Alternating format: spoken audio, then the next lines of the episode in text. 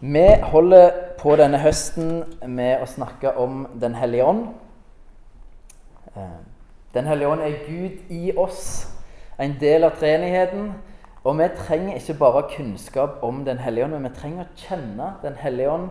Eh, vite hva Han ønsker å gjøre i våre liv, hvordan Han snakker til oss, hvordan Han leder oss, hvordan Han ønsker å bruke oss. De tingene trenger vi å vite. Derfor trenger vi å kjenne Den hellige ånd. Ikke bare kunnskap om han, vi trenger å bli kjent med han. For Den hellige ånd er en person. Det, det, er viktig å være klar over.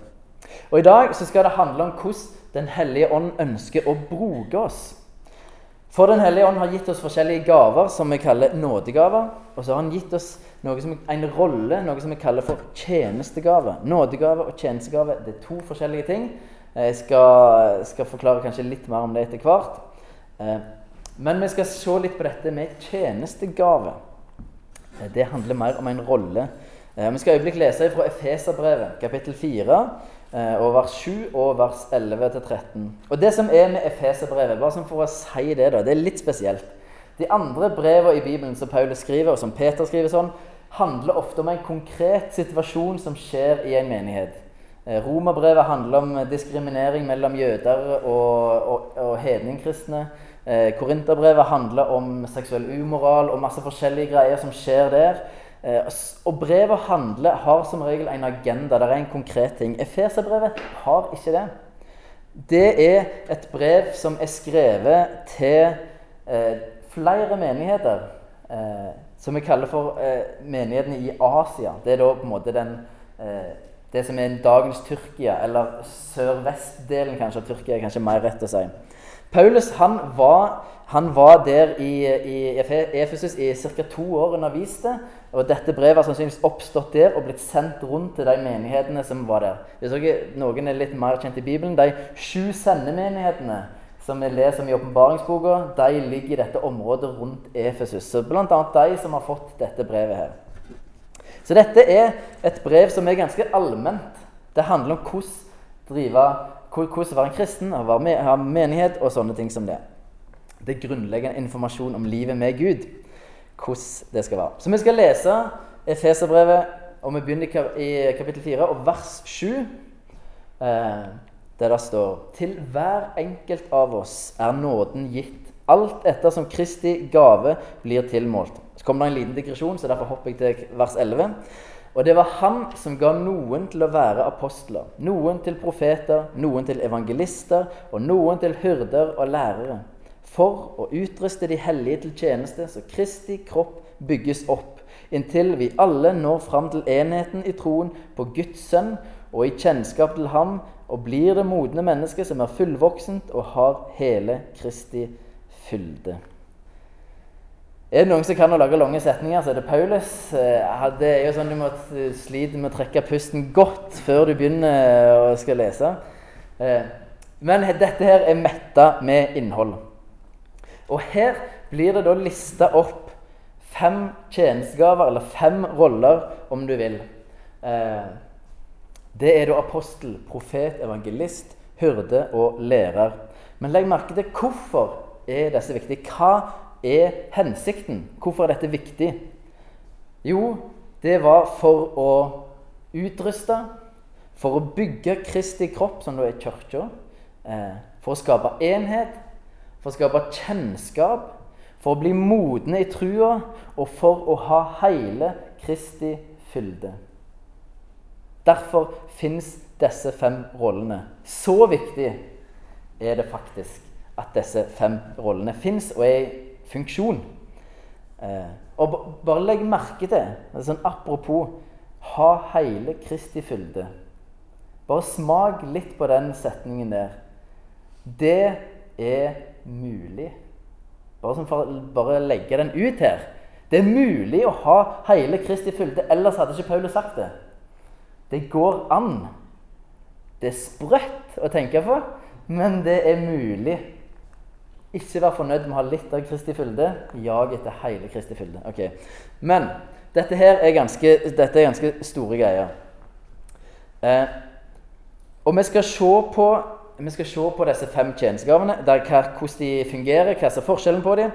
Eh, så kan dere også vite at det er litt teologisk uenighet eh, om dette er noe som kun gjelder for ledere, eller gjelder det for alle kristne. Eh, er, det, er, det, kun for noen få? Eh, jeg for min del er rimelig sikker på at dette gjelder alle kristne. Eh, og Grunnen til at jeg tror det, er det at vi leste i begynnelsen at til hver enkelt av oss er nåden gitt. En annen grunn er at Jesus sjøl er selve definisjonen på alle disse fem tjenestegavene. Jesus han er kjennetegnet på apostel.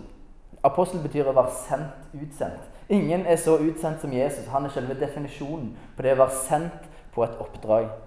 Jesus han er definisjonen på profet.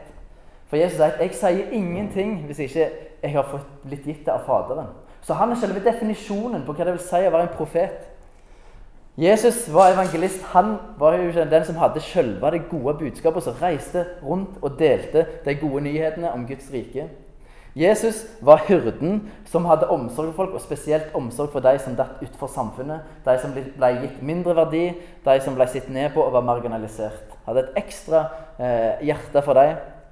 Og Jesus var lærer som underviste folket i hvordan leve som et menneske, hvordan komme nærmere Gud, og så de tingene der. Så Jesus er kjennetegnet på alle disse fem. Og det som er greia, er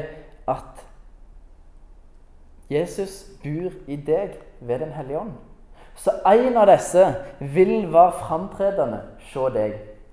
En av disse vil, Fordi Jesus bor i deg ved Den hellige ånd, så vil en av disse her være en tjenestegave som du er god på, som du besitter. Eh, og så lever ikke vi lenge nok til at vi mestrer alle disse fem. Kanskje vil vi bli bedre i noen etter hvert som vi blir modne i trua. Det er stor sjanse for. Eh, og så er det også litt viktig å si det betyr ikke at alle er skikka til å være ledere på hva plan som helst. Når Paulus instruerer Timoteus og Titus til å finne ledere i menigheten, så, er det ikke at den, så sier han ikke at ja, se etter tjenestegaver. Nei, nei, se etter karakter. Så det, det, er bare litt viktig å være klar over. Alle, alle har tjenestegaver. Det betyr ikke at alle skal, kan være ledere på hva nivå som helst. bare som det er sagt. Men du har en av disse fem tjenestegavene. Det er viktig å være klar over. En av disse her fem er du. Og Nå skal vi se på de fem, eh, hva, det, eh, hva, som kjennetegner de. Og Da må du kjenne litt etter hva kjenner du deg mest igjen i. Og Jeg kommer til å lese opp noen kjennetegn. Eh, og da er det lett for deg å tenke oh, ja, men dette, det kan ikke jeg, det kan ikke jeg. Altså, det er ikke det spørsmålet. ikke om du mestrer disse tingene. Spørsmålet er er dette noe som ligger for deg. Er dette noe som kjenner ja, dette er det jeg ønsker, dette er det jeg brenner for, dette er det som trigger meg. Dette er det som gjør at jeg engasjerer, dette engasjerer meg. Så, så se etter det. Ikke om du mestrer disse tingene, men se etter er dette noe som Ja, dette her. Dette, er det jeg drømmer om. Dette er det jeg brenner for. Yes, ok, da kjører vi på. Og Da begynner vi med apostel. Apostel det betyr som sagt en som er utsendt. Apostler de er visjonære. De har store drømmer, og de liker å realisere disse drømmene. Eh, I sekulære jobber så er ofte dette gründere, det er pionerer, eventyrere. Eh, sånne typer folk. Det, på Sunnmøre er det mange, egentlig mange sånne gründertyper som starter noe fra scratch og som får med seg folk, og som får, kan lage gull ut av gråstein. Det er, det er mange av dem på Sunnmøre, egentlig. De liker å skape, de liker å starte nye ting, liker å være kreative. Dette Apostler er ikke nødvendigvis de som liker å være i det samme hele tida. Hvis de har nådd målet sitt, så er det liksom ikke veldig sånn tilfredsstillende for dem å fortsette å være på den plassen der. Da vil de skape noe nytt. Sette seg nye mål, nye drømmer, nye ting å skape. Så de liker utfordringer. De liker ofte forandring. Det er ikke alle som gjør. Men disse er ofte glad i forandring. Det, det syns de er fint. Hvis det ikke er forandring, så er det helst litt kjedelig. Eh, så dette er innovative, kreative folk. Ofte skapende og nytenkende i Guds rike. Liker som sagt å skape. Og så er de òg strategiske ofte. Det vil si at De har en evne til å se litt lenger fram enn det de fleste andre har. Se hva som er lurt å gjøre for å komme seg fra A til B eller nå et mål. Så kan ofte disse her ha evnen til å være strategiske. Og Legg merke til at de sier ofte. Det er ikke alltid. Du trenger ikke ha check på alle disse her for å være en apostel. Eh, men hvis dette kjenner, ja, dette kjenner jeg meg igjen i, så kanskje er det deg. Eh, Og nå, nå det, Når jeg nevner ordet apostel, så er det ikke det apostel som i Jesus sine tolv apostler. Det er ikke det det er snakk om. De hadde en egen, egen oppdrag. Så det er ikke det jeg mener. Dette er fem, fem eh, funksjoner som, som er meint å være i alle menigheter. Og så skal vi se litt hva som er en utfordring for en apostel. Eller jeg kaller det blindsoner. Det som er litt sånn krevende for en apostel. Og det er å vite om innovative ideer er for en sjøl, eller om det er for Gud. Eh, for disse er ofte fyldige av ideer. Eh, lett for å sette seg drømmer og mål. Og å vite om det er for Gud, kan være en utfordring. Det å ha tålmodighet med andre i en menighet det å, å være tålmodig nok til at ikke alle andre er like raske i avtrekkeren som du sjøl er, som ikke alltid ser det som du ser, det er en utfordring. Eh, som er viktig å være klar over, som er viktig å måte, ta med seg. Og det å fylle et lederskap som ikke ser det som apostelen sjøl ser, det er òg en utfordring. Kanskje et lederskap er for treige, det skjer for lite. Ah, det, 'Dette er bare seigt. Jeg gidder ikke mer.' Det, det kan skje. Eh, og det skjer, dessverre. Så det er viktig for en som er apostel, å på en måte ha dette med seg og øve seg i å være tålmodige. Øve seg heller i få med seg folk. Ok, det var apostel. Vi går videre til profet. Eh, en profet det er en som lytter til Gud, og som får åpenbaringer fra Gud. Det kan da være eh, til åpenbaringer til mennesker eller til en menighet. Det kan være begge deler. Eh, det kan være drømmer og syn og sånne ting. Eh, hvordan det skjer, det er litt forskjellig. En profet er ofte distansert. Det vil si at en tar et steg tilbake for å få et klarere bilde. Bruker kanskje eh, eh, lengre tid alene med Gud for å prøve å se hva er det, som, hva er det du gjør nå, Gud. Hva, hva, er det som skjer her nå? Eh, Ligge å være alene med Gud over lengre tid ofte. Eh, i sekulære jobber så er det ofte kreative typer som musikere, kunstnere, artister eller sånne ting. Så folk som liker å skape, eh, som, som ser ting i det abstrakte, kanskje. Eh, som Ja, dere, dere, får, dere, er med på tanken, tror jeg. Det er litt om, eh, om profeten. En utfordring for en profet, det er å få et budskap fra Gud og da tenker jeg spesielt kanskje til en mening, men også til en enkeltperson. Å ikke tolke det sjøl. Det kan være en utfordring. Det kan være veldig fristende faktisk å tolke det sjøl. Eh, si en profet får et, et, budskap som er til en menighet. Eh, sånn som Paulus instruerer i 1. Korinterbrev, så er meningen at budskapet skal gis til menigheten, til lederskap, og så skal det tolkes, og så skal det handles. For en profet så kan det være utfordrende å gå rett ifra budskap og til handling uten, uten å involvere noen andre i den tolkinga. Det er en utfordring. Den andre utfordringen er å tro at en alltid har rett. Eh, og det som er greit, er at profeter har ofte rett. Så det, er, det er, en grunn for at de tenker det. Eh, men det, det, poenget er at eh, de kan bli arrogante. Eh, og det er viktig. En, prof, en moden profet er ofte ydmyk, for han vet at budskapet er ikke mitt eget, det er fra Gud. Jeg skal overgi dette budskapet til menigheten eller til enkeltpersonen. Det er ikke mitt budskap. Jeg har fått det fra Gud. Jeg skal, bare, jeg skal gi det videre. Eh, det er på en måte Så det, det, kan være en utfordring. Men de har veldig ofte rett. det har de. Yes, Litt sånn profet. Håper dere forstår eh, litt sånn hvordan en profet eh, kan være, fungere. Vi går videre til evangelist. En evangelist det er, det er ofte sosiale personer som, som, liker å bruke masse tid med ikke-kristne. Det, dette menneskesamler ofte store nettverk Kjenner, kjenner, folk overalt her og der og har kontakter overalt. Og, eh, ja. Det er de som er, det er liksom plagsomme som minner andre kristne om at ja, men vi må komme oss ut herifra. Det er på gata folk er. Det, er ikke her inne folk samles. Eh, vi må ut på puber og streder. og Det er der det, der det er liv, det er der det skjer, det er der folk er. Det er der, ja. De, de, de har en sånn de, de kan være litt sånn, sånn, sånn stein i skoen for andre kristne. Så som, som, er komfortable med at ting er Ja, nå har vi det fint der og koser oss. Så kommer de Nei, nei, nei, vi må ut, vi må videre. Vi må nå ut med evangeliet. Det kan, dette er litt sånn skummelt å si, for når jeg sier de er ofte godt kjent i Bibelen og kan gjøre relevant for ikke-kristne, så er det mange som sier å ja, ja, nei, da er ikke meg, for jeg er ikke godt kjent i Bibelen. Eller ja, jeg er ikke så flink til å lese Bibelen. Og så, og så. Disse, poenget er ikke at, du, at dette må være kjekk på alle disse tingene, at dette mestrer du. Poenget er at disse er ofte flinke til å gjøre Bibelen relevant for de som ikke tror. Eh, og Det gjør også at de har en lyst til å bli mer kjent i Bibelen. Det betyr ikke at du er nødt til å være den som må være den som alltid leser mest i Bibelen. Eh, bare sånn, ja, Med en gang vi snakker om bibellesing, så stenger den. Nei, nei, nei, det er ikke meg. Det er ikke meg. Eh, det kan være det. Kanskje det ligger for deg, bare at det, det har ikke kommet så langt ennå. De, liker, de er glad i samtaler og diskusjoner eh, og kan ofte være flinke til å få en samtale inn på Jesus. Det skal ikke alltid så mye til. Husker når jeg var i Oslo på bibelskole, så var jeg med på gateevangelisering på Karl Johan. Eh, jeg er ikke evangelist, eh, men, men, jeg var i lag med en som var det. da. Og når han skulle ta trikken tilbake, så, så Evangelister de setter seg alltid i lag med andre. Det, det, er jo det som er gøy. Så han setter seg i lag med finner en der der sitter en fra før og sitter med, og så kjører trikk inne, så, og så kjører forbi ei kirke. Og det er alt han trenger for å si Se, der er det ei kirke. Hva tenker du om Gud? Hæ? Hva skal du si? Er det så lett, liksom? For han var det, Da var samtalen i gang. Da begynte de å snakke om Gud. Han trengte et bygg å kjøre forbi. Så var samtalen i gang. Det klarer ikke jeg.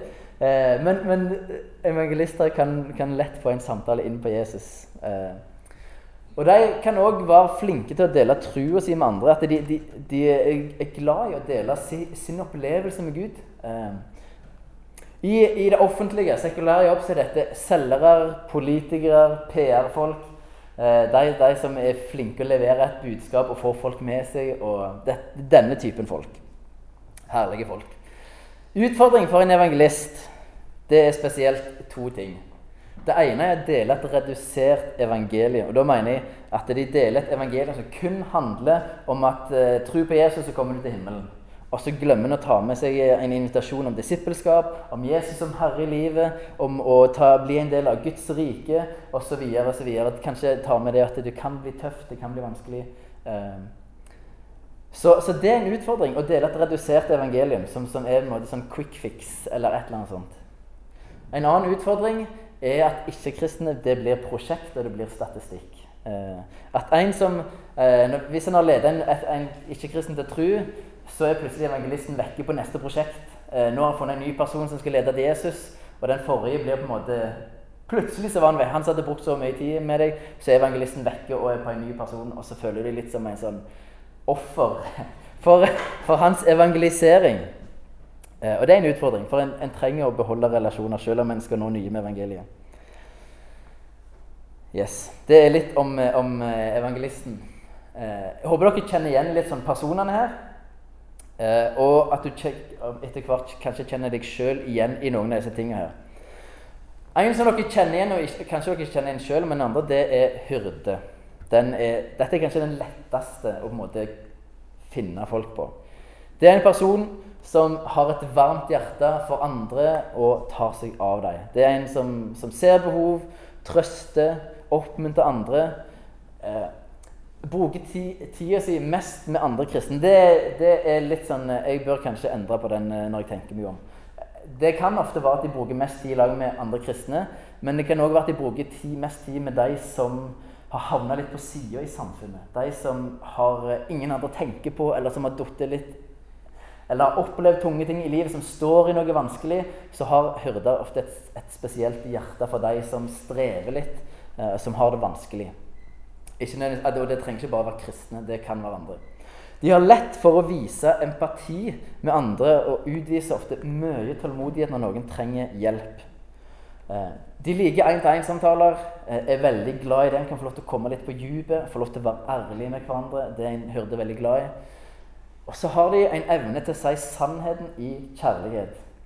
Eh, fordi de har så mye omsorg med seg, så har en hyrde evnen til å si konkrete ting som kanskje hvis andre hadde sagt det, så hadde det gjort det vondt. Men fordi hyrden sier det, og den har vist med kjærlighet, så klarer han å si sannheten, og det kan bli til forandring og bli til liv for den personen. Det er en sånn enormt god ting en hyrde har. Eh, de er flinke til å lytte, og det er lett å dele sine innerste følelser med dem. De er opptatt av at mennesker skal vokse og nå potensialet sitt. Eh, I sekulære jobber kan dette være rådgiver, sosionomer, sykepleiere, eh, andre som type omsorgsyrker. Blant Bl.a. lærere på skoler og sånt. Før så var lærer en undervisningsyrke, men nå har lærer blitt mer et omsorgsyrke.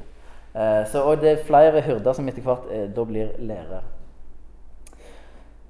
Denne, jeg syns det er lett å se for seg hyrder. Eh, der er, de er herlige, og der er heldigvis en del av dem.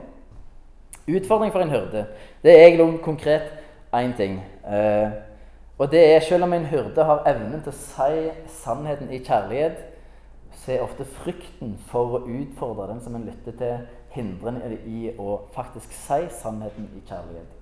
De har ofte evnen, men det er ikke alltid de våger å si det. Og da blir ofte samtaler kan bli at det er en, en, en blir i sånn evigvarende suppe av problem uten at en finner veien ut. Fordi hyrden ikke våger. Han ser kanskje hva som er problemet, ser kanskje veien ut, men våger ikke alltid å si at du Skal vi ikke snart komme oss ut av denne suppa her? Skal du forbli her? Hva tenker du vi gjør? Hva er veien vi ut av dette problemet ditt? Nå har du hatt dette såret, når vi dealer med dette, men, men hvordan skal du komme videre? Eh, det, det er ikke alltid lett for en hyrde å komme til det punktet, men når de som klarer det, er veldig effektive og veldig hjelper mange folk ut av sine problemer. Fordi de er så gode å lytte, de er så gode å være i lag med. Og når de da våger å veilede og snakke sannheten i livet, så skjer det noe. Nydelige, nydelige folk. Siste, det er eh, lærer. En lærer det er en som framholder sannheten og som syns at sannheten den er spennende og den er superviktig. Den må fram. Og det er ikke mange sannheter, det er én sannhet. Det er viktig å holde fast på. Eh, det, er, det er personer som leter etter måter å forklare, opplyse og anvende sannheten på. De liker godt å lese og studere Bibelen, men òg å hjelpe andre å forstå den. Og forstå det som en sjøl har sett og opplevd, at dette her er så viktig. Det har en lyst til å dele videre ofte. og Eh, ja. I sekulære jobber, forelesere, lærere, trenere osv. Utfordring for en lærer det er at Bibelen kan bli viktigere enn Gud. Og Når jeg sier dette, her, så er det mange som bare Hei, går det an? Eh, hvordan at Bibelen Altså, eh, går det an? Ja, det går faktisk an. Eh, dette, dette, er disse som lærere som ofte blir teologer. Og det, Da kan du få så mye skylapper på og grave deg inn i tematikker og greier og ting som gjør at du, du fokuserer på en tematikk, og så mister du syn av Gud oppi det hele. Det går an. Eh, eh, du, du, du, blir så, du, blir så, fokusert eh, at Bibelen som, som, en enhet blir ikke bare Guds ord, men det blir sånn Dette er så interessant, dette er så, så spennende at, at det blir til slutt så mister du syn av Gud. Det går an. Og en annen utfordring er at en kan stole mer på sin kunnskap enn på Gud. En kan mye, en vet mye. Dette er folk som lett tilegner seg ny kunnskap. Og så er en så kunnskapsrik at en stoler på kunnskapen mer enn en stoler på Gud. Yes. Eh, dette er de fem tjenestegavene. Ja, jeg kan ta den. Eh, dette er de fem og jeg håper at du, hvis, at du, kjenner deg igjen i en av dem mer enn andre. Og husk, du må ikke ha treff på alle disse punktene her. Eh, dette handler mer om hva som trigger deg, hva som ligger for deg. Jeg husker hvor befriende jeg syns det var når jeg fant ut hva jeg var. Jeg er lærer. Eh, jeg liker eh, Det å stå her syns jeg er fantastisk. Ikke sikkert dere syns det, men jeg syns det er fantastisk. Jeg elsker det. Jeg kunne holdt på i mange timer. Det skal jeg prøve ikke å gjøre. Eh, men, men, for meg så er dette, dette digger. Dette, dette, her, dette liker jeg veldig godt. Og så er jeg ikke så flink på alle de andre nødvendigvis. Eh, det betyr ikke at jeg er elendig på alle de andre fire. Noen av de er jeg bedre på enn andre. Men, men, det lærer jeg. Og når jeg fant ut det, så var det veldig befriende. For det betydde at jeg trengte ikke å mestre alt i Guds rike. Jeg trenger ikke være den beste sjelesørgeren i Nato. Jeg trenger ikke å være den apostelen som skaper alt mulig nytt. Jeg trenger ikke være den beste evangelisten. Jeg er lærer. Og det som ligger mest for meg, er å bli enda bedre lærer. Det betyr ikke at jeg ikke skal utfordre meg selv i å prøve andre ting, men det er det som ligger for meg. Og jeg synes, For meg så var det veldig befriende. Eh, og jeg går ikke rundt og ja, jeg er lærer altså, er ikke, Jeg er ikke opptatt av tittelen. Det, det, er ikke sånn jeg går rundt og kaller meg noe. Det er ikke poenget. Poenget er at det er min rolle, og der jeg fungerer best, er i den rollen der. Så hvordan, hvordan ser dette ut i levende livet? Eh, jeg skal prøve å illustrere et bilde som setter ting på spissen. Det, da står det ofte best. Men, eh, men, jeg skal bare prøve å Se for deg en menighet som har eh, s, eh, ja, Se for deg en saueflokk. da, som, En menighet som en saueflokk. Denne saueflokken har fem gjetere, eh, som har på en måte hver sin sånn tjenestegave. Apostelen han ligger da langt framfor resten av flokken, hovedflokken. Han er framme og ser og speider. Hvor går veien videre? Hvordan skal vi gjøre for å komme oss til, til det målet vi har? Hvordan, jo, jeg ser vi må, her må vi, På denne plassen her må ta hardt inn her. her. her. går veien videre. Dette er den beste veien. Eh, og ser sånn langt fram hvordan man kommer, må gjøre for å komme der til. Profeten han også ligger et lite stykke framfor flokken, men han er på det høyest mulige fjellet for å være nærmest mulig Gud og for å få et klart bilde fra Gud. Hvor går veien videre? Hva trenger vi nå? Hva sier du, Gud? Vi trenger deg. Eh, evangelisten han er også utenfor flokken. Han springer rundt og leter etter sauer som ikke er en del av flokken, og forteller hvor fantastisk det blir å komme til det store beitet en gang framme i tida, og hvor, hvor, digg det blir å hanke med seg folks, eh, sauer som er utenfor flokken. Hurden han går helt bak i flokken. Eh, han er den som passer på å ta seg av de som sakker litt akterut. Han, eh, han, bruker masse tid med de som har hatt traumatiske opplevelser med ulven. og eh, alle de tingene der. Han er den som, som, som, som, pusher folk med seg, som støtter og trøster. Læreren han går nokså midt i flokken og passer på at sauene er det nok, at de har for sunt kosthold, og at eh, er det variert, og forteller dem hvorfor de ikke bør ete de andre tingene, og, og sånne ting. Det er en litt sånn karikering. Eh, og det, det vil være mye mer nyansert enn dette her. Vi kan tenke oss f.eks. en menighet som har et styre med fem personer, der alle har hver sin sånn tjenestegave. La oss si at dette er en menighet, det, det går ikke så bra. da, Det, det går dårlig. Eh, og så sier apostelen nå er jeg lei, nå må vi gjøre noe nytt. Vi må få oss et nytt bygg. Det er på tide. Det tror jeg vil generere energi. Og, og vi må gjøre noe helt nytt. Vi må bygge oss et nytt hus. Det trenger vi. Eh, hurden han, eh, han, holder på å sette kringle i halsen. Tenk med alle som har en følelse i dette huset, som har vært med bygd det. Onkel Rolf har malt bilde på veggen der.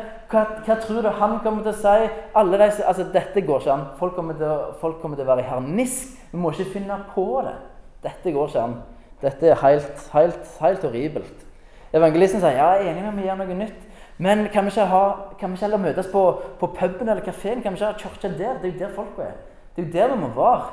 Et nytt hus, ja, ja, ja, noe nytt. Ja, men jeg tror vi heller ut på, ut på gata. Vi, vi, vi, kan ha gatemøter heller. Det er mye bedre. Læreren han sier tja, litt usikker. Jeg kan ikke huske å ha lest noe i Bibelen om akkurat dette her. Dette må jeg se litt på. Er det noen prinsipp vi finner i Bibelen for dette her? Jeg er ikke helt litt usikker på dette her. altså. Jeg har ikke fått tenkt nok på dette her. Profeten han sier kanskje ikke så mye. Eh, og er kanskje litt distansert. Og hvis han sier noe, så er det ofte er det Gud som har sagt dette? Eller må vi komme på dette helt sjøl? Hva sier Gud om dette? Her Her må, vi, her må vi ta oss tida til å få vite hva sier Gud helt konkret. Igjen litt karikering, men det er et viktig poeng her. og Det er at det er en spenning mellom disse her personene. Det er en spenning, og kanskje spesielt mellom apostelen og hyrden så er det en spenning. For apostelen har en dreiv til å skape noe nytt Se progresjon, se forandring, se at ting vokser og gror. Mens hyrden han eh, vil passe på at folk har det bra og er redd for forandringer, syns det er ubehagelig, eh, er redd hvordan folk reagerer på forandring. Eh, så de to har en liten sånn klinsj. Det kan òg evangelisten og læreren ha, for læreren mener at evangelisten er sånn kun på overflaten, han går ikke på dypet. 'Dette er ikke solid nok, dette er ikke bra nok.' Og, og evangelisten syns at, at, læreren er en treiging som aldri får fingeren ut og får gjort noe som helst. Eh, det er en spenning her mellom, mellom personlighetene, mellom, nei, mellom, disse rollene her. Eh, og det kan fort bli konflikter. De aller fleste konflikter som har vært i menigheter, handler ikke om teologi. Det handler om forskjellige typer mennesker som klinsjer, som ikke forstår hverandre. Det er det som oftest skjer. Hvis det er noen som kommer i en mening og sier jeg har lyst til å gjøre noe nytt, jeg drømmer om å skape dette, så blir han ofte med app, app, app, app. Nei, nei, nei, det kan vi ikke gjøre. Det går ikke. Det, det tåler vi ikke. Vi våger ikke. Uh, og da er det ok, men da starter jeg for meg sjøl. Da. da starter jeg en egen menighet, eller gjør det på egen hånd, eller starter en egen organisasjon, eller et eller annet sånt. Uh, så Derfor er det viktig at du forstår hva tjenestegave du har, og forstår hvordan de andre fungerer, sånn at vi kan bli modne, så vi kan unngå disse tingene her. Sånn at det der, eh, vi trenger alle disse Alle de tingene som jeg lister opp, er styrker. Selv om du, hvis du er en hyrde, så kan det være at du ser på det som, som apostelen som svakhet, og vice versa. Men det er styrker. Eh, og så er det en skeivhet. Det er ikke flust av apostler i menigheter. Eh, det har delvis med teologi å gjøre, som har sagt at de ikke finnes lenger. Eh, det er både verken apostler og profeter. Det finnes teologi som sier at nei, de finnes ikke lenger. De andre finnes kanskje. Eh, læreren har klart å definere vekk apostelen og profeten i mange settinger. Well done there. Og hvis det finnes apostler, så har de ofte blitt stoppet eller blitt sett på som en trussel. Så har de ikke fått lov til å bruke kreativiteten sin, evnene sine, og så gir de opp, og så går de og starter en bedrift og tjener millioner og et eller annet sånt. Det er ofte det, er ofte det som skjer. Eh, og så sitter det da en, en menighet igjen som savner en, en, apostel som kan dra de videre. Så kan man skape nytt. Men det har mista det. Profeter er det heller ikke mange, iallfall ikke i lutherske settinger. Det òg igjen har med teologi å gjøre. Det har at det ikke har blitt gitt rom eh, for profeter. Så da søker de heller til karismatiske menigheter, der det er rom for dem til å få bruke sine gaver eh, og det de er utrusta med. Evangelister finnes det flere, om ikke en flust, men de evangelister kan ofte bli så frustrert av at det går så seint at de bare går solo eh, og finner på noe annet å gjøre. Hyrder og lærer finnes det derimot ganske mange av. Eh, noen mener at det der i en menighet så er over 50 er hyrder. Eh, og det kan faktisk være ganske sant. Eh, for jeg tror det speiler Guds store hjerte og omsorg for mennesker. For meg så kan det gi mening at 50% er hyrder, for Gud har så stor omsorg for oss. Eh, så det kan godt være. Eh, I tillegg har både hyrder og lærere blitt på en måte framelska mer enn de andre, kanskje. Eh, men poenget er at vi trenger alle sammen. Hvis du er apostel, vi trenger deg. Hvis du er profet, vi trenger deg. Er du evangelist, vi trenger deg. Vi trenger deg som hyrde, vi trenger deg som en lærer. Vi trenger alle sammen for at vi skal bli modne, for at vi skal få enhet og få hele Guds fylde og bli bygd opp som menighet. Vi trenger alle sammen. Det er poenget, og det er super, super viktig. Eh, og vi har lyst til å gi rom for det her. Vi har lyst til at, at du skal få lov til å gjøre det som du er god på. Eh, det, det, trenger vi sårt. Så vi trenger eh, at eh, vi, menigheten, familien, trenger du utfører den tjenestegava som du har blitt gitt. Det vil bygge opp menigheten, det vil bygge opp familien. Eh, som igjen vil føre til at vi er bedre rusta til å tjene Ulsteinvik og lede mennesker til Jesus. Og at vi er et bedre fellesskap og en bedre familie. Så du må finne ut hvem du er, hva du er, og så må du begynne å praktisere. Er du hyrde? Er det det som ligger for deg? Så bruk den omsorgen du har, til å se mennesker. Ta deg av dem. La dem føle seg velkomne. La dem føle seg ivaretatt. Er du evangelist, så, så var der ute og, og, og, og del evangeliet. Få med deg flere. Fortell hvor viktig det er. Gjør det. Er du apostel, fortell om det. Vær med og skap på vegne av Guds rike. Vi trenger det så enormt masse. Eh, vi trenger det så enormt masse. Du, vi trenger at du er i funksjon. Til slutt vi er ikke alle sendt ut til å være apostler, men vi må alle sørge for å gjøre det som Gud sender oss ut til å gjøre. Vi er ikke alle sendt ut til å være profeter, men vi skal alle bruke tid i bønn og lytte til Gud. Vi er ikke alle sendt ut til å være evangelister, men vi skal alle vitne om Jesus. Vi er ikke fritatt. Jeg er ikke fritatt selv om jeg ikke er evangelist. Vi er ikke alle sendt ut til å være hyrder, men vi skal alle bry oss og vise omsorg for andre. Vi er ikke alle sendt ut til å være lærer, men vi skal alle være opptatt av sannheten, av det som er fra Gud. Det er viktig. Så min store oppfordring I dag har jeg ikke refleksjonsspørsmål. Sto, min store oppfordring er at du må finne ut hva du er, og så må du begynne å bruke det. Du har sannsynligvis brukt en del av det uten å vite om du har tenkt over dette. her. Eh, for det er ikke noe sånn at dette ble gitt i det jeg sa det. Det er jo ikke sånn det fungerer. Så du har stor sjanse for at du har brukt det allerede, men, men bruk det enda mer. Finn måter. Og så er det sånn at én hyrde gjør på én måte, en annen hyrde gjør det på en annen måte. Dette, dette er ikke sånn uniform greie. Du er unik. Du, du, har dine gaver i tillegg til den rollen du har. Så det må du være klar over. Hvis du er usikker på hva rolle, hvem er du i disse, så har jeg lagt noen spørreskjema. De ligger bak oss på denne røde benken der. eller noe sånt. Det kan du ta med deg etter, fylle ut, eh, og så kan du få et svar som er en, kanskje en indikasjon på hva du er for noe. Det er ikke en fasit. Det ikke, dette her må du bare finne ut av. Men det kan være en hjelp til å finne ut av hva du er for noe. Eh. Så, så igjen, finn ut av det, hva du er, og bruk det du er, til å tjene andre mennesker og tjene Gud. For vi trenger det. Så håper jeg det var klart nok. Hvis du lurer på noe sånn eh, i forhold til dette, her, så ta kontakt med meg etterpå eller noen andre. Eh, hvis du lurer på hvordan en bestemt sånn eh, fungerer, en, en, hvordan profet fungerer, eller ja, jeg vet ikke hvordan jeg Snakk med oss. Finn noen å snakke med. Ta det opp i hverdagsgruppa hvis du er en del av det, eh, og snakk om dette. For dette her er viktig. Eh, dette trenger vi. Yes. Jeg har sikkert holdt på altfor lenge. La oss, la oss be til slutt.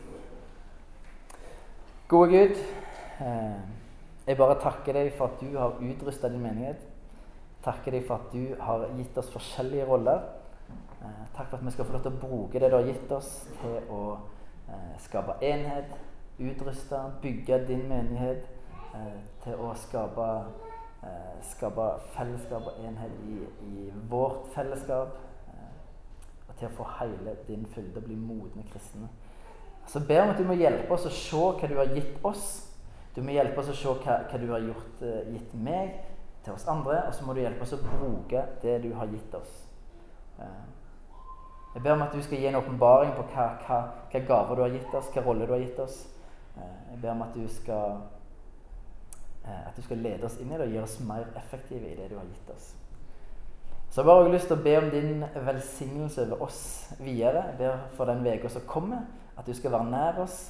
Eh, at vi skal få lov til å være vitner om deg, få lov til å vise både i ord og handling hvem du er, Gud, hvor fantastisk du er. Jeg ber om din velsignelse over denne menigheten, jeg ber om din velsignelse over Ulsteinvik. Ber om at du skal komme med ditt nærvær, ber om at du skal komme med vekkelse.